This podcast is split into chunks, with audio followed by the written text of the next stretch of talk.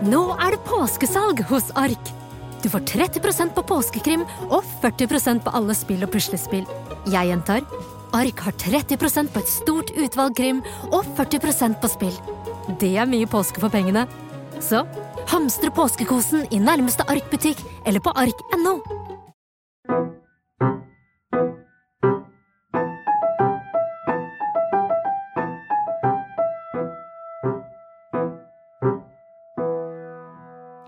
du lytter nå til podkasten Frilanslivet, som lages av min kollega Hanna von Bergen og meg, Kristina Skreiberg. Vårt mål med denne podkasten er å være en faglig og inspirerende kanal for alle dere som jobber for dere selv i medie-, kunst- og kulturbransjen. Ukens annonsør er regnskapsprogrammet Fiken. Både Kristina og jeg har brukt Fiken i mange år, og det er fordi Fiken gjør det enkelt å føre regnskapet selv. I Fiken så kan jeg nemlig sende fakturaer, ta bilde av kvitteringer med Fiken-appen, jeg kan levere moms og næringsoppgaven, og jeg kan gjøre alt fra samme sted. Det gjør frilanslivet mitt lettere, rett og slett. Vil du prøve Fiken gratis i 30 dager? Gå inn på fiken.no. I dag har vi besøk av journalist Anders Hammer, som i en årrekke har dekket konfliktområder. Anders har et nært forhold til Afghanistan, hvor han har bodd i seks år, fra 2007 til 2013. Etter at han flyttet derfra, har han stadig vendt tilbake for å rapportere om situasjonen i landet. Det har resultert i flere artikler, bøker og dokumentarfilmer, hvor han har kommet tett på både Taliban-soldater og selvoppnevnte afghanske krigsherrer. Da Taliban brått tok over makten 15. august, og da mange desperat prøvde å komme seg ut av landet, da bestemte Anders seg for å reise inn igjen, fordi han følte et moralsk ansvar for å være til stede. Anders er 44 år gammel, han er fra Tønsberg og har en mastergrad i Peace and Conflict Studies fra Universitetet i Oslo. Anders har vunnet en rekke priser for arbeidet sitt, og ikke minst ble kortdokumentaren hans Do Not Split nominert til Oscar tidligere i år. Jeg ser frem til å høre hva som driver Anders, om hvor han får motet fra, hvordan han navigerer i konfliktsoner og ivaretar egen sikkerhet, og hvordan hans nylige reise til Afghanistan var. Velkommen, Anders. Tusen takk. Du, for bare noen uker siden så var du i Afghanistan. Eh, kan du gi oss en, sånn, et, et lite innblikk i hvordan situasjonen er der nå? Jeg kom inn i Afghanistan i august, rett etter at Taliban har tatt over, og da var det en ekstrem usikkerhet, fordi ingenting egentlig var på plass. Taliban hadde ikke regna med at de skulle komme til makten så kjapt. Jeg tror, eller vet, at de hadde regna med at de skulle havne i kamper da de i hvert fall kom til hovedstaden, Kabul. Men i stedet så kunne de kjøre rett inn samme dag de ankom og var da plutselig uh, ansvarlig for styret av hele landet. Uh, og det var de ikke forberedt på. Altså, de hadde ikke en plan for hvordan de skulle styre det, i hvert fall i praksis, og det var det veldig preg av da jeg kom inn. Uh, og blant annet ved at alt av politi og soldater var borte. I stedet hadde du da um, talibanere som sto rundt omkring med våpen og skulle ha en slags sånn, politimyndighet. Og det håndterte de på veldig ulike måter. Mange av talibanerne jeg traff, var veldig blide. Altså, de føler de har vunnet en veldig, veldig lang krig. Så de oppfører seg som seierherrer. Eh, men det er jo også en del av talibanerne som ikke er veldig blide når de treffer en utlending som meg, da. Eh, de ser vel på meg som kan se på meg som en av mm, fienden. Eh, og det var helt åpenbart at noen gjorde det, og også oppførte seg deretter. Eh, så det var veldig sånn ruklete, eh, spesielt de første ukene. Hvor det var ganske stor forskjell på mm, hva som ble formidla fra ledelsen i Taliban i Kabul. Da jeg gikk på pressekonferanser og hadde møter der og hvordan det opplevdes å møte talibanerne rundt omkring i landet og rundt omkring i gatene. Men skjønner de at du er en som har kjennskap til kulturen og Altså sånn Når du møter på Taliban-soldater mm. i gatene? Ja, altså det varierte veldig hvordan kontakt jeg fikk med dem. Noen hadde jeg jo lange samtaler med, og hadde også lange intervjuer. Og det kunne gå veldig greit. Andre var mer folk jeg møtte sånn spontant fordi jeg bevegde meg veldig mye rundt. Så du kunne møte dem i en veikontroll, eller møte dem der de sto på gata og kontrollerte et hjørne eller et bygg. Eh, og det var vel der var det sånn blanda opplevelser da, for meg. Eh, og i hvilken grad talibanerne respekterer oss journalister og vår rolle, varierte veldig. Hvor lenge var du der? En måned. Og hvordan har du det inni deg den måneden? altså sånn, har du ro i kroppen? Ja, altså, jeg var vel veldig konsentrert om arbeidet og prøve å få kontakt med dem jeg kjenner der, eh, på en forsvarlig måte.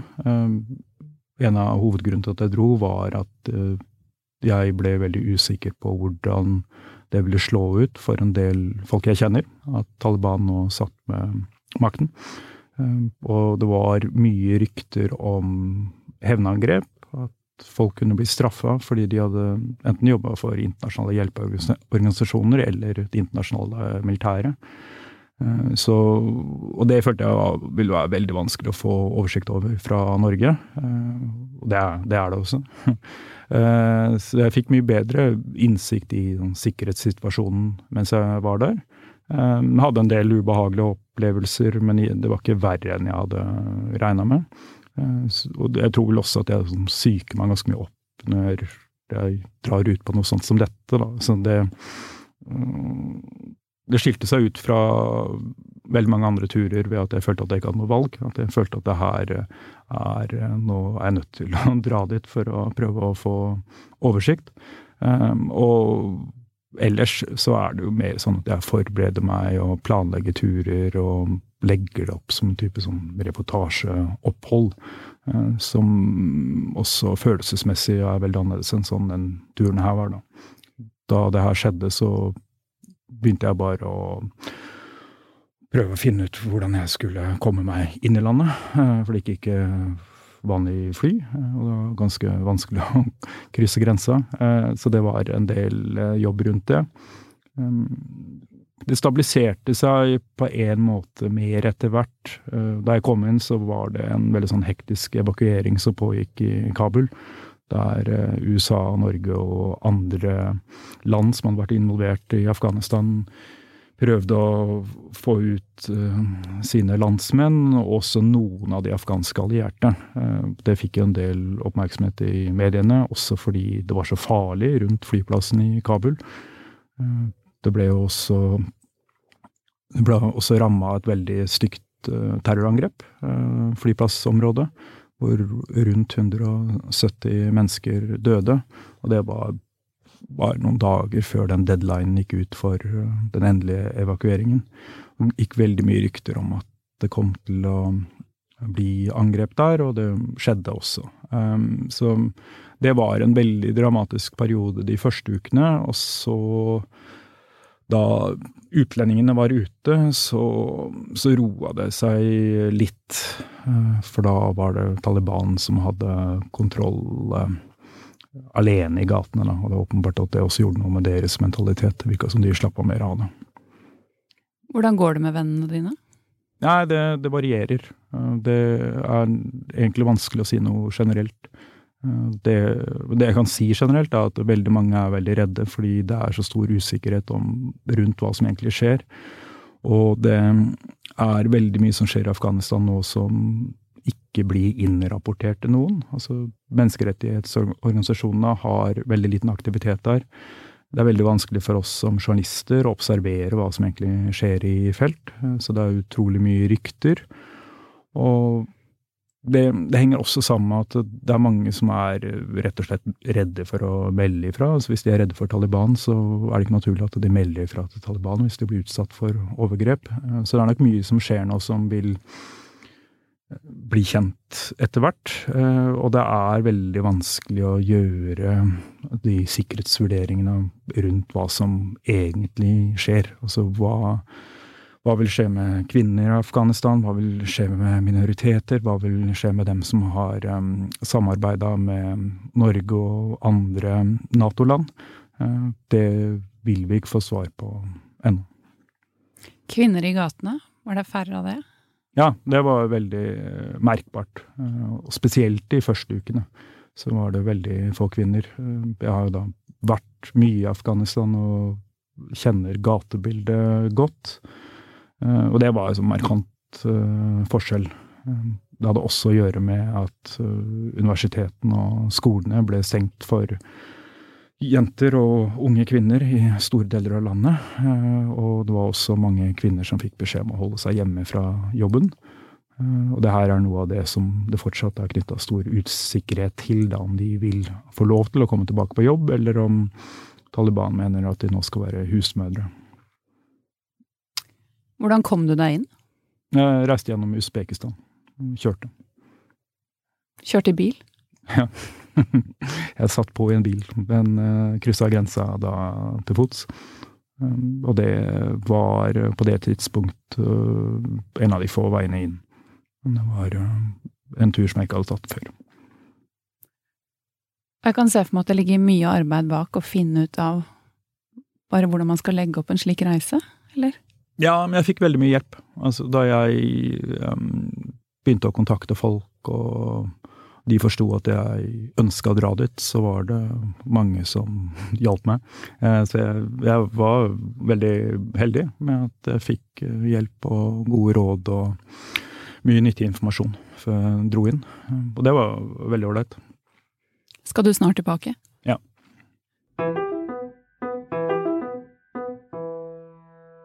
Jeg vil gjerne spole litt tilbake til da du dro til Afghanistan for første gang, eh, på oppdrag for Dagsavisen.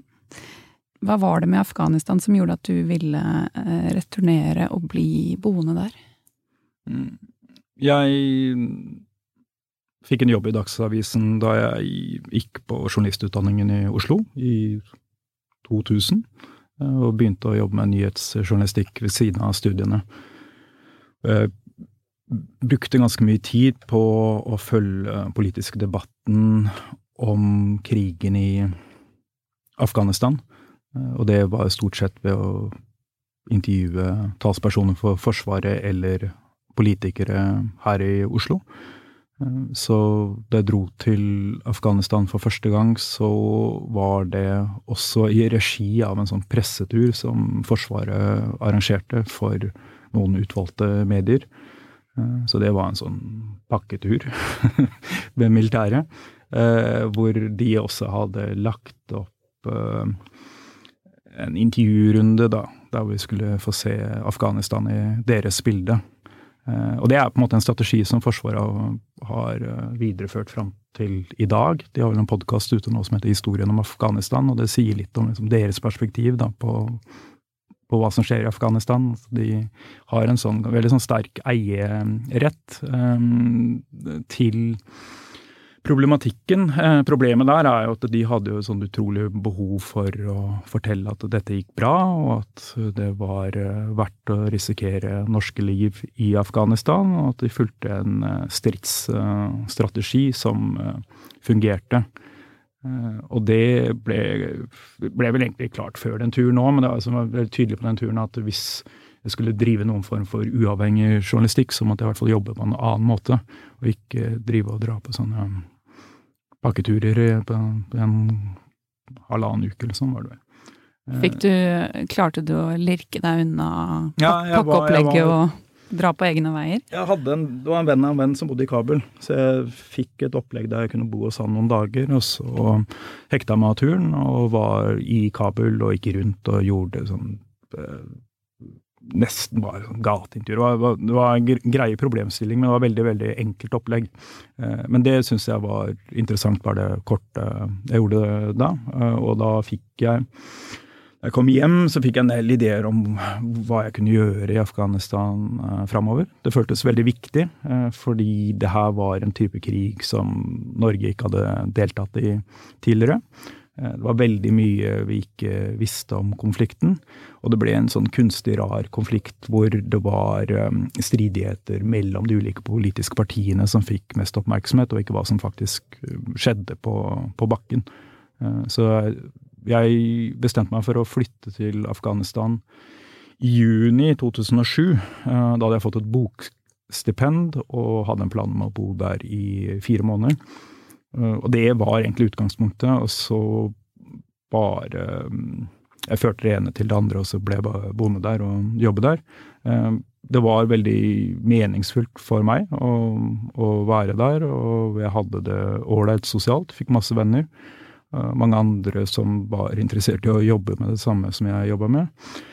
Og fikk følte i hvert fall at jeg kom mye tettere på, på livet og også konflikten da, i, i, landet. Eh, så det var på ingen måte planen at jeg skulle bli der så lenge, men jeg angra heller aldri på det. Hva tenkte familien din? Eller hva sa de? Jeg, jeg, tror egentlig ikke de var så overraska. Jeg tror eh, det, det var helt Helt greit, sånn som jeg husker det. Eh, da jeg vokste opp, så ble jeg tatt med til Nord-Irland på slutten av 80-tallet og begynnelsen av 90-tallet med moren min og mannen hennes, som da var journalister. Eh, da var det borgerkrig. Eh, sånn at det var nok Det ville kanskje vært annerledes om familien min var litt annerledes, men det, det, gikk, det gikk greit. Ja, er du fra en samfunnsengasjert familie? Er ikke alle familier det. Det er, eh, det jeg vet ikke. På, er, på sin måte? Ja. Uh, ja, det er Vi reiste veldig mye da jeg vokste opp, og det har nok um, satt seg. Pleide å bli tatt ut av barneskolen den siste måneden, altså dro på bilferie uh, rundt i Europa. Uh, og det, det, er helt sikkert ikke lov lenger, men det gjorde i hvert fall at jeg fikk sett veldig mange land tidlig. Og likte veldig godt å reise, og fortsatte med det på egen hånd og begynte å reise fast ut uh, hvert år fra jeg var uh, sikkert 14-15. Um, jeg pleide da å dra til Nord-Irland en gang i året, enten på sommeren eller til jul. og hadde en form for sånn reservefamilie i Belfast. og det var jo veldig, et veldig annerledes miljø enn det jeg var vant til fra Tønsberg. men jeg likte det veldig godt, og følte også at jeg lærte veldig mye, og fikk masse inspirasjon med at jeg fikk mye venner der.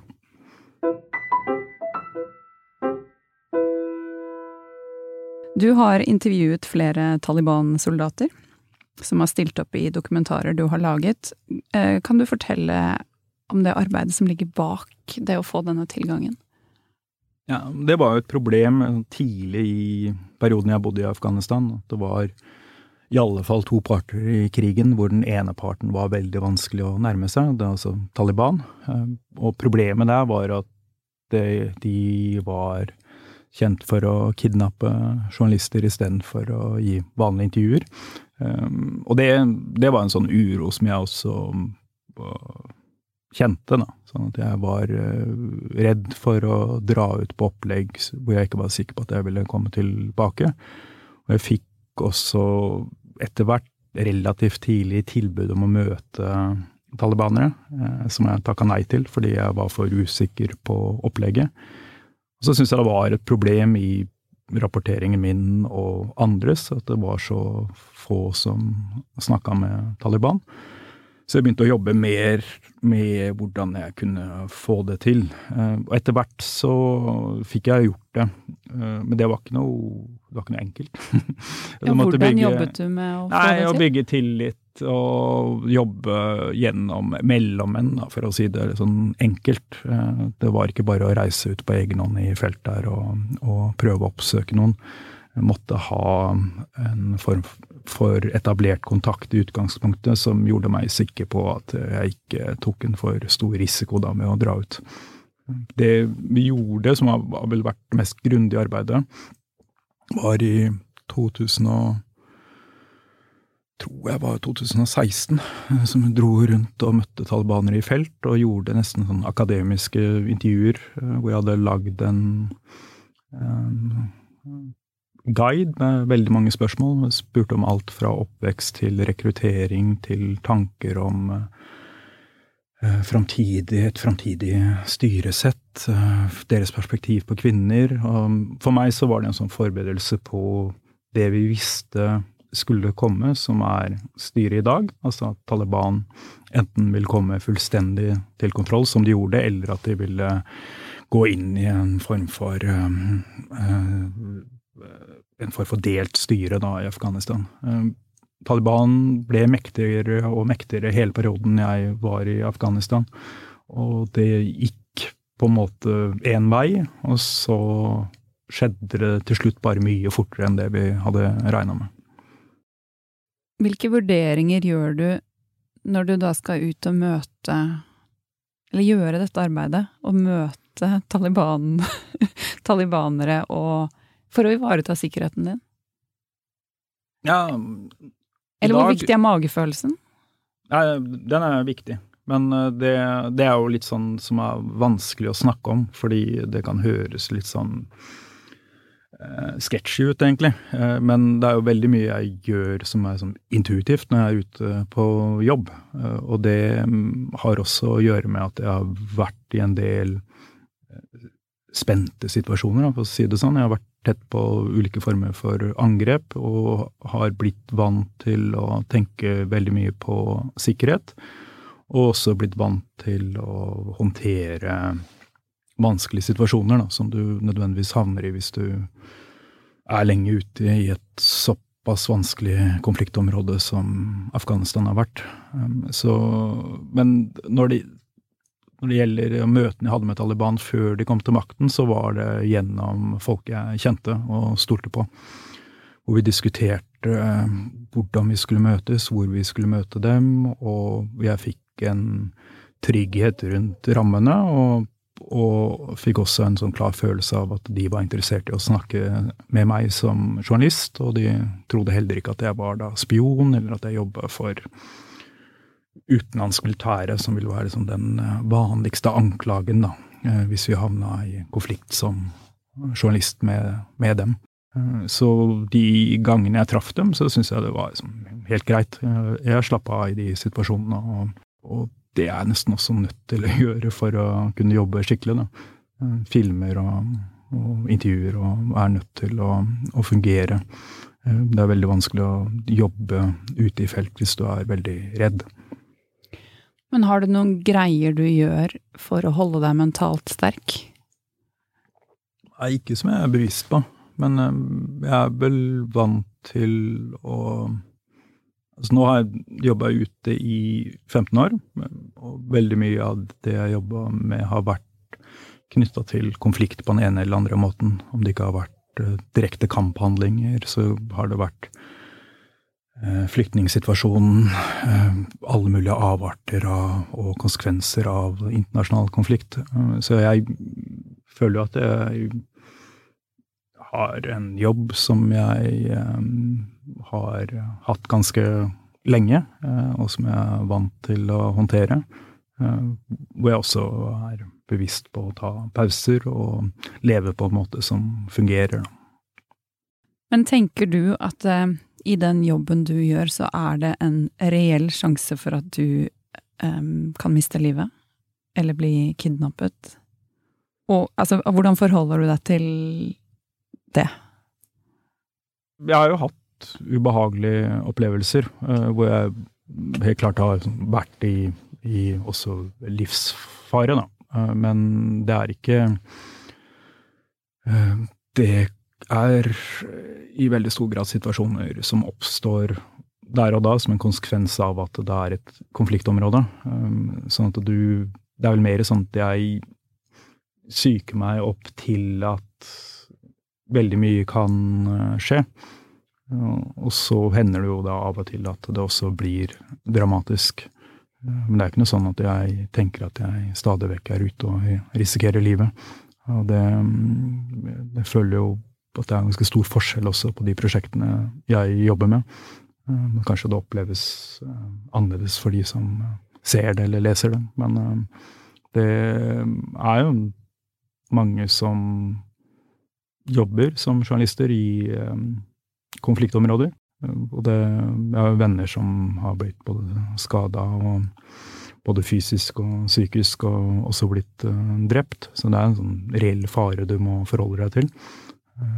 Jeg ble invitert til å være med en være en del av et sånn sikkerhetsnettverk, eh, hvor vi har lært eh, førstehjelp og annen sånn traumebehandling for å ta vare på hverandre. Altså det er eh, journalister som blir trent på å hjelpe hverandre hvis vi blir og oss selv, da, hvis vi blir skadd i felt. Så jeg tror jeg altså, Det er åpenbart at du må forbedre og, og også kurses i i grunnleggende førstehjelp og annen, annen form for sikkerhetsarbeid. Så tror jeg også at jeg har utvikla en egen måte å, jobbe på, da, gjennom at jeg bodde veldig lenge i Kabul. Eh, det var ikke en uh, sikker by da, da, de årene jeg bodde der. Så ble jeg som nødt til å forholde deg til den usikkerheten og krigslignende tilstanden Eh, hele tiden. Eh, og det sånn at jeg har, jeg har masse rutiner for hvordan jeg jobber. Eh, og det betyr ikke at det alltid er trygt, men det betyr at jeg er i hvert fall veldig vant da, til å være ute i konflikt. Det er vel også sånn at det nå sitter i kroppen, da, sånn at jeg vet hvordan jeg foretrekker å oppføre meg hvis jeg havner i, i vanskelige situasjoner. Og det kan være som alt fra det jeg blir trua på livet, til at det går an bombe i området jeg er. Og det er også ganske forskjellig, da, hva du gjør. Jeg ser for meg at det er utrolig viktig å klare å lese. Lese bildet. Ja. Lese landskapet, lese mennesker, lese Eller? Ja, nei, det, det og, og de situasjonene kan være veldig forskjellige. Altså, det var en måned jeg fulgte en uh, ung nordmann som kjempa ved fronten utenfor Kirkuk i Irak. Og det var en form for sånn skyttergravskrig mot uh, IS, hvor det ble skutt med skarpt, og det kom granater og raketter og, og annet. Uh, kulene kom i hvert fall hver dag. Så da ble du etter, etter hvert vant til å være i et område hvor de hele tiden ble skutt. Og det ble også bomba der ganske sånn kraftig etter hvert, da IS eh, kryssa elva og prøvde å da angripe de soldatene som jeg var sammen med. Sånn at det har jo gitt meg erfaringer som jeg ikke hadde fra før. Og det var også en veldig annerledes situasjon enn sånn jeg har opplevd fare og usikkerhet i Afghanistan, da, hvor det har vært en mye større grad en sånn skjult fare, hvor du har vært en usikkerhet rundt at det kan plutselig skje et selvmordsangrep eller en veibombe kan gå i områdene jeg er, eller det, det kan bli utsatt for et sånt forsøk på kidnapping.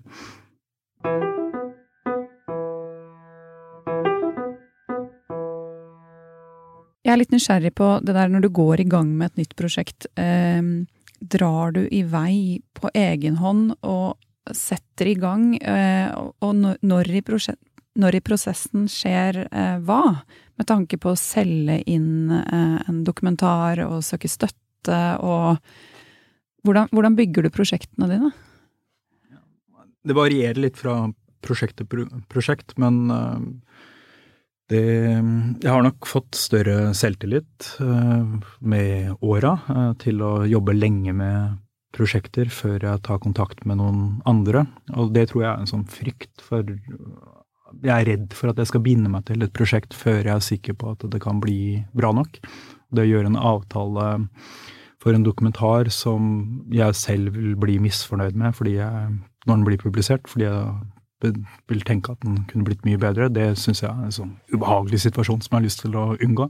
Så da jobber jeg heller Setter meg noen mål i de enkelte prosjektene om hva jeg ønsker å oppnå, og hvordan type tilgang jeg tenker jeg må få for at det skal gi noe mening med å sånn, fullføre det.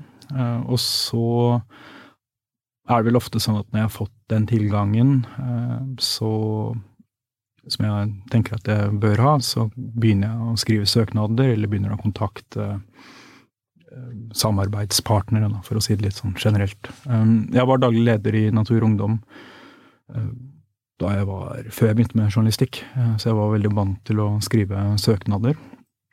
Og det har vært veldig nyttig når jeg har gått over til å jobbe med sånn større prosjekter og jobbe på egen hånd da, som journalist. Og jeg bruker mye tid på å skrive ulike søknader, og så rapportere. Det er ikke alt av alle delene av det arbeidet som er så spennende, men det er i hvert fall en sånn forutsetning da, for at du skal kunne jobbe på den måten.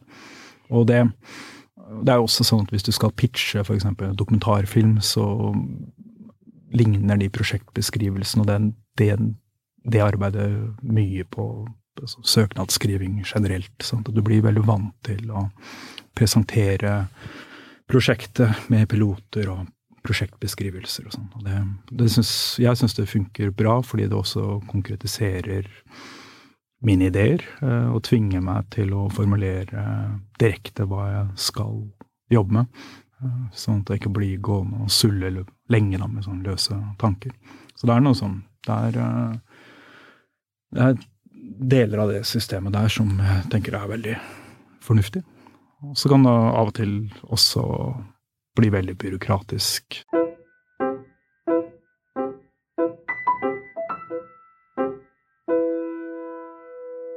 Veldig mye av det jeg har gjort eh, de siste 15 årene, kunne jeg ikke gjort som fast ansatt. Eh, da jeg flytta til Afghanistan, så var det ingen andre norske medier som var fast basert der.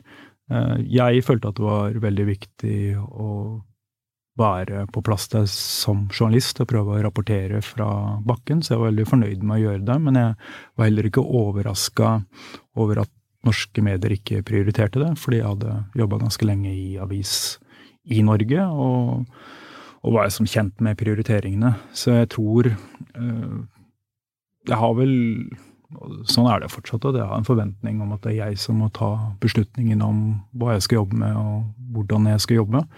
Og så har det heldigvis blitt enklere gjennom årene eh, å få de rammene som eh, jeg ønsker. Eh, både med redaksjonell oppfølging, ha muligheten til å diskutere sakene jeg jobber med, med andre, og være med på å utvikle prosjekter i samarbeid med andre, selv om jeg ofte sånn, drar ut alene. Og også få skikkelig betalt, eh, og få liksom, trygge I den grad man kan snakke om det, altså få sånn, trygge rammer som gjør det her mulig å gjennomføre liksom, år, år, etter år. Eh, og der har jeg vært veldig glad for at jeg også har kunnet begynne å jobbe internasjonalt. Da. Jeg jobba mye med filmselskap som er basert i New York, som har liksom hele, hele, verden som publikum i utgangspunktet, og som også er åpen for å vinkle dokumentarer på andre måter enn det jeg vil oppleve hvis jeg skal samarbeide med en norsk redaksjon som vil være opptatt av norske vinklinger.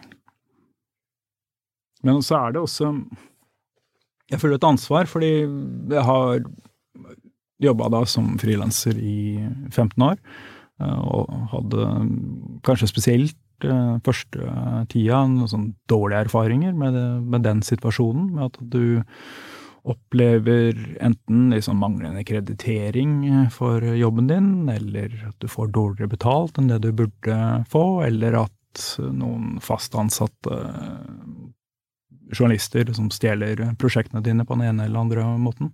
Eh, og det, det, det var sånn jeg reagerte på eh, selv og syntes var veldig kjipt. Og så har det også ført til at jeg har justert mitt eget arbeid da, og prøvd å unngå å oppleve det igjen. Eh, og så har jeg tenkt at det er, det er noen mekanismer i som medie- og kulturbransjen som gjør det sårbart. Hvis du har interesse av det, så er det nok enklere å, å utnytte frilansere enn fast ansatte. Om du da enten er litt sånn lat, at du ikke gidder å utvikle egne ideer, eller at du bare vil ta liksom, æren for noe arbeid som du i hvert fall ikke har gjort um, helt på egen hånd. Uh, og det Jeg syns det er liksom vanskelig, fordi det er stort sett ute og jobber med, med mine prosjekter og har ikke så mye kontakt med med yngre folk som kommer inn i bransjen. Eh, så, jeg, så ja, jeg vil jo De gangene jeg har mulighet til det, så prøver jeg liksom å advare og prøve å liksom, oppfordre folk til å beskytte seg selv, da. Sånn at man unngår liksom, de kjipeste opplevelsene, for det er veldig sånn uinspirerende. Hvordan kan man unngå det? Nei, Du må prøve å forstå du må, hva du er oppi, og gjøre sånn selvstendige vurderinger, enten når du blir Enten det dreier seg om lønnsforhandlinger, eller det dreier seg om hvordan du skal levere arbeidet. og Sørge for at du får den krediteringen du skal få. Jeg tok det ganske tidlig inn i kontrakter, hvor det er spesifisert hvordan kreditering jeg skal få på prosjektene jeg jobber med. Det det er noe jeg anbefaler. Da, sånn at du ikke får den usikkerheten plutselig ved publisering. At du får en overraskelse og ser at du risikerer å bli kreditert som noe annet enn det du har tenkt du har uh, eh, jobba som. Uh, så det er nok et av de mer sånn konkrete forslagene. Og jeg har uh, Jeg tror ikke jeg har hatt noe verken flere eller færre kjipe opplevelser enn enn eh, andre i bransjen, men jeg hører jo stadig vekk om folk som opplever sånn, eh, sånn kjipe ting som jeg også har opplevd på et eller annet tidspunkt. Sånn, så det er, eh, det er, noen svakheter der som gjør at du må passe litt på, da. Og det tror jeg vel altså frilansere og, og løsarbeidere i alle mulige yrker kjenner seg igjen i. At du har Du er i en annen situasjon enn om du er fast ansatt og har et ordentlig regulert arbeidsliv, da, som vi generelt er veldig opptatt av i Norge. Så blir det kanskje lettere å si ifra med erfaring, altså Ja, det er nok lettere å være sur og kjip når du har holdt på en stund det i begynnelsen. Eh, og det Ja, helt, helt klart. Og også lettere etter hvert å fokusere på de oppdragsgiverne hvor du ser at det er en gjensidig respekt, og at man ja. ivaretar disse tingene og etter hvert da kunne klare å velge bort ja, der er hvor det ikke er på plass. Hvis du skulle mistrives i jobben, så, så ville jo ikke det fungert. Da ville det bare ført til at du gjør noe annet i stedet. Eh, sånn at det er, det er viktig å liksom, ta styring. Og så tenker jeg Noe som også hjelper meg i jobben, er at jeg føler at jeg ikke har så mange andre jeg kan skylde på. Hvis jeg er misfornøyd, så er det, sånn, er det mitt ansvar å gjøre de justeringene jeg trenger å gjøre da, for å bli fornøyd igjen. Eh, og så har jeg det er sånn viktig å understreke at jeg stort sett er veldig fornøyd i jobben. så, det, så det går vel mer på at jeg føler litt sånn ansvaret for at jeg eh, Hvis jeg kan bidra med noe til kolleger, så, eh, så er det å passe litt på, altså. Så. Det virker som du trives med, med, jobben. Og hvor viktig er det for deg at, det er, at prosessen er god? Ja, det er kjempeviktig. Altså det det er egentlig det viktigste for meg, at jeg er Selv om det kan være sånn veldig alvorlig og vanskelige temaer jeg jobber med, så oppleves det meningsfullt for meg. Eh, og jeg er veldig inspirert i arbeidet, og er så glad for at jeg får muligheten til, til å jobbe på den måten her.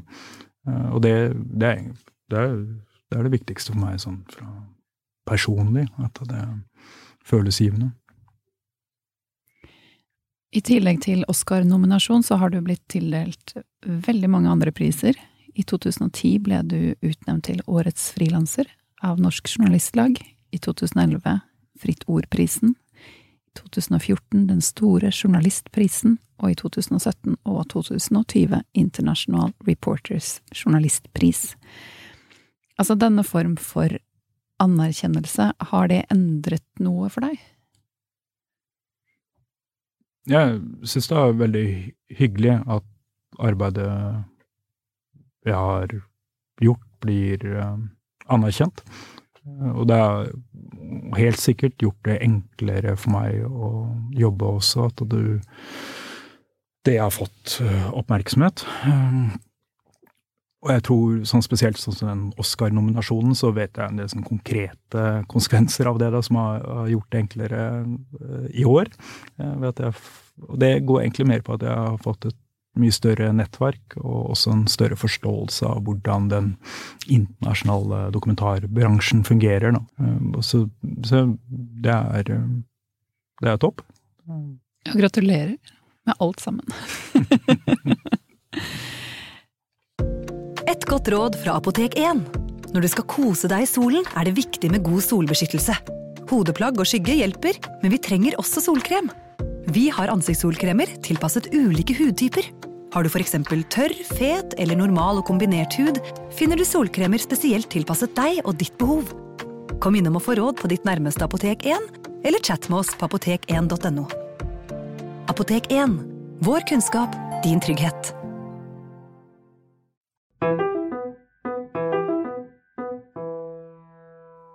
Føler du at du gir eh, avkall på noe ved å jobbe sånn som du gjør?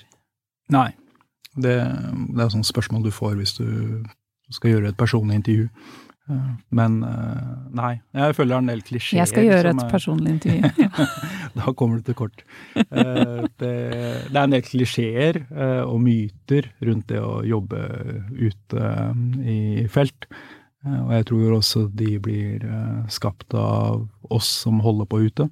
Men jeg føler på alle måter at det er mitt valg å jobbe ute. Eh, det er en del eh, konsekvenser av det som også føles ganske egoistiske. At du mm, kan eh, gjøre de som bryr deg om deg, bekymra. Og det mm, er noe jeg i hvert fall må forholde meg til. Men jeg føler ikke at jeg ofrer noe. Hva er det beste med å jobbe som du gjør? Ja, hvis det jeg jobber med hjelper noen, altså på den ene eller andre måten. Det, og det er jo veldig ofte at det ikke gjør det. Og, og det er også eh, situasjoner hvor det kan være så vanskelig å vurdere verdien av det du gjør i, i det hele tatt. For det kan være en del av en stor stor masse. Eh, men jeg, nei, det er det som har gitt meg mest glede. Og eh, journalistyrket, hva, hva, liker du med, med det? Nei, det er veldig mye. Uh, møte mennesker i veldig ulike situasjoner. Kunne stille spørsmål som ofte er vanskelig å stille i en privat setting jeg føler jeg ofte kan være veldig personlig når jeg er ute og jobber. I hvert fall med dokumentarprosjekter, for det, da er jeg nødt til å bli kjent med dem jeg jobber med. Og det liker jeg. Det lærer veldig mye om verden, og lærer også litt om meg selv. Hva gjør du for å koble av? Har, hva, hva, har du andre hobbyer? Jeg liker å løpe. Og det gjør jeg når jeg har muligheten til det. Så jeg gjør det alltid når jeg er i Norge. Og så har jeg med sko og løper der det er mulig når jeg er ute. Det er vel noe av det som føles som mest uh, avslappende for meg. Mye mental helse i det, kanskje også? Ja, masse. Det er eh, noe av det smarteste jeg har begynt med i livet, og løping. Og det trives jeg veldig godt med. Jeg tenker litt på det der å koble seg eh, av og på de forskjellige Altså sånn i Afghanistan så har man eh, så har du eh, livet ditt én ramme, og så kommer du hjem, og så er rammen helt annerledes, og folk er opptatt av helt forskjellige ting. hvordan er det å koble seg av og på? Å komme igjen, hjem og koble seg på livet her igjen? Nei, det er jo et relevant spørsmål, men jeg har aldri reagert på det på noen annen måte enn at jeg tenker at folk lever normalt her hjemme i Norge, eh, gitt uh, situasjonen her. Uh, og jeg er jo vokst opp her og hadde en ganske lang erfaring med hvordan livet er her. sånn at det at man ikke er så opptatt av å snakke om i konflikt og problemer i verden i hverdagen, tenker jeg er helt normalt. så er det mer unormalt at jeg velger å være mye ute og dra inn i konfliktområder, da, som jeg ofte har gjort. Men uh, jeg trives uh, veldig godt ja, når jeg er hjemme i Norge. Og kobler av og gjør uh, mye etterarbeid. enten det er å klippe film eller sitte og skrive. Um, jeg liker jo Det er kanskje jeg, jeg, jeg, tror jeg ville hatt problemer med å jobbe ute i konflikt så lenge hvis jeg ikke hadde jobba med dokumentar. Det føles mer forpliktende for meg å jobbe med dokumentarformen enn det det gjorde det da jeg jobba mye med nyhetsjournalistikk. Og det går på at jeg følger mennesker over veldig lang tid, eh, og blir eh, godt kjent med dem, og også beholde kontakten ofte etter at uh, dokumentarene er uh, publisert. Uh, så det er sånn moralsk og etisk, da, så føles det bedre for meg enn om jeg skulle hele tiden dra ut og inn av, av en krise og møte sånn sterkt traumatiserte mennesker som jeg bare forlater igjen med en gang jeg har gjort intervjuet. Det tror jeg hadde ødelagt meg i lengden, eller, eller antagelig bare ført til at jeg hadde slutta å gjøre den jobben. Eh, så på den måten så fungerer dokumentararbeidet veldig godt for meg. At jeg liker at jeg blir godt kjent med folk, og jeg liker også forpliktelsene som jeg selv får ved å liksom knytte meg til mennesker over tid. Og det, er, og det er relasjoner som du nå fortsatt vedlikeholder? Ja, og jeg kunne helt sikkert vært flinkere til det, men jeg syns det er veldig ålreit å få oppdateringer eh, eller å kontakte mennesker som en har truffet til ulike tidspunkter og ulike prosjekter.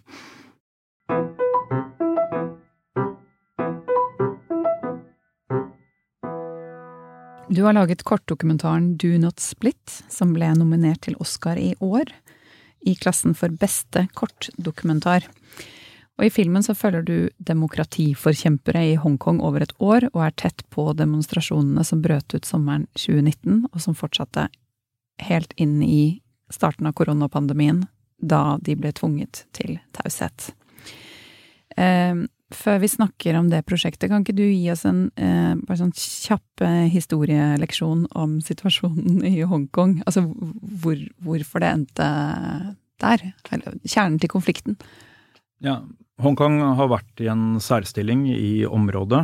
Eh, Hongkong var lenge en britisk koloni. Og så ble mm, byen gitt tilbake til eh, Kina under forutsetning av at de skulle ha andre politiske friheter i Hongkong enn det man har i fastlandskina. Så fastlandskina er ikke et demokrati. Eh, det er, det er veldig strengt på veldig mange måter. Eh, og mens i Hongkong så har man da hatt pressefrihet, eh, til en ganske stor grad ytringsfrihet. Det har ikke vært det vi ville definert som frie valg, men de valgene de har hatt, har vært mye friere enn det det er, har vært i fastlandskina. På veldig mange måter da så har eh, byen skilt seg ut fra, fra Kina det som skjedde i 2019, var at man fikk en uh, utvekslingsavtale uh, som var i ferd med å bli vedtatt. Hvor uh, politiske dissidenter og andre som sto i opposisjon, enten til lokale styret eller Kina, risikerte å bli utlevert og stilt for retten i Kina. Og det ville vært rettssaker som på ingen måter følger normale rettsprinsipper, eh, hvor man da vil bli dømt til lange straffer for, for f.eks. politisk opposisjonsarbeid. Eh, så de som begynte å demonstrere i 2019, de var veldig engstelig for at uh, Kina og Beijing, altså den politiske ledelsen i Kina, var i ferd med å omforme Hongkong til en hvilken som helst annen by i Kina. Og, og ville gjøre motstand da for å beholde sine um, politiske rettigheter. Um, og de hadde jo rett, sånn som vi ser i etterkant, at det var det Beijing også prøvde på. Uh, og det ble en veldig spesiell form for konflikt, hvor det var veldig mange unge mennesker med, med ganske begrensa muligheter til å gjøre motstand, stå overfor et godt utrusta politi. Med hele tiden resten av Kina, den politiske ledelsen der, som en trussel i, i bakgrunnen. Eh, så det, det, eskalerte og eskalerte i hele perioden jeg var der, og ble mye mer langvarig og dramatisk enn det jeg hadde sett for meg, i hvert fall. Det er jo en ganske litt sånn kaotisk film, altså fordi situasjonen er kaotisk, med masse løping og tåregass og brannbomber og skyting, og um, vi kommer jo veldig tett på fordi du er veldig tett på. Um, hvordan, var, var det, hvordan var det å være deg i det? Jeg var veldig glad for å være der. Jeg følte at det var en av de viktig, viktigste hendelsene i internasjonal politikk. Eh, og jeg var veldig fascinert av hvordan eh, demonstrantene organiserte seg, og tenkte at jeg med mine begrensninger i Hongkong kunne prøve å, å bidra med å dekke den konflikten med å være så tett på som mulig og, og lage en veldig fysisk film som speila atmosfæren i gatene. Så det var det jeg vel prøvde på fra starten av, og det er også sånn filmen ble. Så det er en, for meg et veldig fysisk prosjekt, da, hvor eh, jeg var ute hver dag og fulgte ulike mennesker, og det var veldig, veldig lange dager og veldig, veldig uforutsigbare dager. Demonstrantene utfordra politiet på mange ulike måter. De hadde veldig mange ulike mm, markeringer, alt fra sånn, allsang, eh, i sånn flashmobber inne på kjøpesentre eller bare i lunsjpauser, til eh, reelle gateslag og etter hvert også slag på universitetene, hvor alt mulig fløy gjennom lufta, altså brannbomber og steiner, tåregasspatroner og gummikuler og, og det var Det var veldig dramatisk etter hvert, eh, og det var også en situasjon hvor jeg kunne liksom føle desperasjonen blant demonstrantene. Eh, de trodde vel Mange trodde nok at de ikke kom til å vinne det slaget, eh, men de ville uansett gjøre motstand. Og da var det en sånn utfordring for meg å prøve å, å fange den stemninga på film. Det klarte du. Ja, takk for det. det er Jeg syns det er veldig trist hvordan det gikk i Hongkong. Eh, og det har bare fortsatt etter at det, jeg var ferdig med å filme. Um, hun ene som er med i filmen, ble arrestert nå på søndag i Hellas, fordi hun har, eh, hun har reist i eksil i USA, eh, men har fortsatt med aktivismen. Og de hadde en markering nå på søndag i Akropolis i, i Aten, hvor de hang opp banner og protesterte da mot vinter-OL i Kina i neste år. Og det førte til at hun og to andre ble arrestert og holdt i arresten i 26 timer, men slapp ut i går. Eh, som jeg var veld, oh. veldig glad for. Eh, det det syns jeg er Godt å høre. Ja, nei, det, det, er guffent. Og det, ja. Men flere andre sitter fengslet i I Hongkong så sitter mange fengslet, også flere av de som du ser i filmen som vi lagde. Eh, det var Man fikk en såkalt nasjonal sikkerhetslov i fjor, Eh, som er oppretta for å knuse all form for opposisjonsvirksomhet. Uh, veldig, veldig streng. Uh, og den har, totalt forandra altså, den politiske situasjonen i Hongkong. Så veldig mange av de som var med på å organisere de demokratiprotestene da, som jeg fulgte, og som også var en del av uh, de ulike politiske bevegelsene og partiene som sto i opposisjon til politiske ledelsen i Beijing, eh, de har blitt arrestert etter at eh, den loven ble innført. Også mange journalister og medieeiere. Så det er mange av de eh, jeg møtte, og som var markante i, under protestene, som nå sitter i fengsel og risikerer opp til livstid. Og du selv, du kan kanskje ikke ta turen til Beijing? Jeg kommer i hvert fall ikke til å gjøre det i år.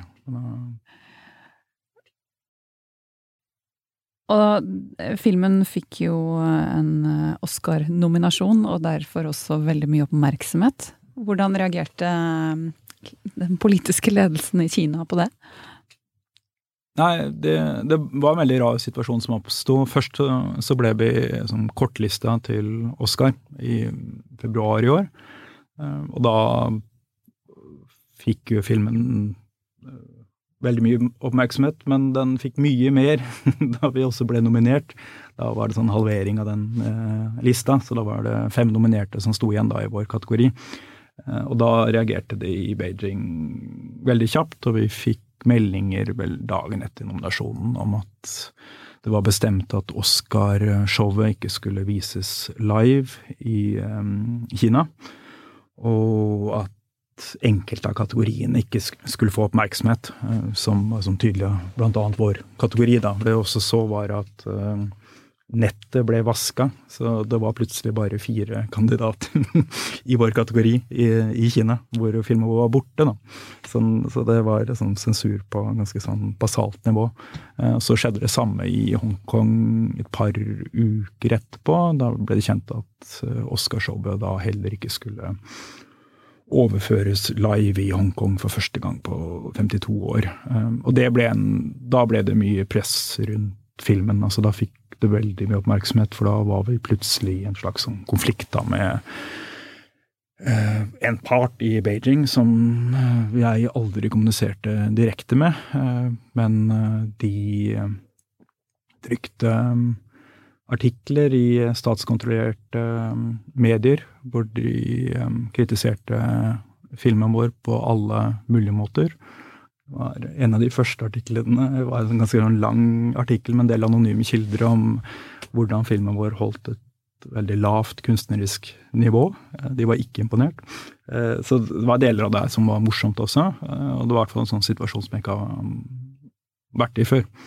Og jeg er veldig glad for å kunne lage en dokumentar om et politisk tema som fikk så mye oppmerksomhet. Uh, ofte når du jobber med dokumentarer, så føler du jo selv at det er viktig det du jobber med, men det er veldig ofte at det ikke får så mye oppmerksomhet. Uh, det temaet du jobber med som du tenker det burde få. Uh, her var det litt annen situasjon. Vi følte at vi fikk sånn maksimalt oppmerksomhet rundt prosjektet vårt, og det, det var jeg glad for. Ja, det høres jo fantastisk ut. Men samtidig blir du noen ganger eh, litt sånn redd på egne vegne fordi du, fordi du går inn i såpass store politiske, internasjonale konflikter. Og mm, det skaper reaksjoner. Ja, altså det er målet med det med Har det en bakside for deg? Nei, egentlig ikke. Altså det, målet med det jeg jobber med, er jo å skape oppmerksomhet rundt tema som jeg føler er viktig. Og så prøver jeg å jobbe med historier som gjør seerne eller leserne følelsesmessig engasjerte. Eh, og prøver å få folk til å bry seg. Eh, og da er, da er det et mål å, å oppnå oppmerksomhet. Eh, jeg har jobba som journalist i 21 år, tror jeg, nå. Eh, og nettet har eksistert hele tiden. Eh, der tror jeg det har vært en forskjell da, fra tidligere generasjoner, at man da kunne jobbe med utenriksjournalistikk, og man ikke hadde en forventning om at eh, stoffet ville nå ut over land, landegrensene. Mens så, når jeg jobber med dokumentarer, så har jeg som forutsetning at de kan bli sett overalt. Og jeg må også, forholde meg til det når det gjelder det etiske og sikkerhetsmessige og på alle mulige måter, som jeg tenker at jeg jobber med internasjonal eh, publisering. Så at det Da vi fikk mye oppmerksomhet rundt Do Not Split, så var jeg ikke forberedt på at det skulle bli så, så stort. Eh, men jeg hadde hele tiden tenkt at det var en film som skulle ses over hele verden. Eh, Anders, tusen, tusen takk for at du eh, besøkte Frilanslivet. Takk for at jeg fikk komme. Ha det bra. Tusen takk til Fritt Ord for tilskudd til denne podkasten. Fritt Ord er en allmennyttig privat stiftelse som arbeider for å fremme ytringsfrihet, offentlig debatt, kunst og kultur.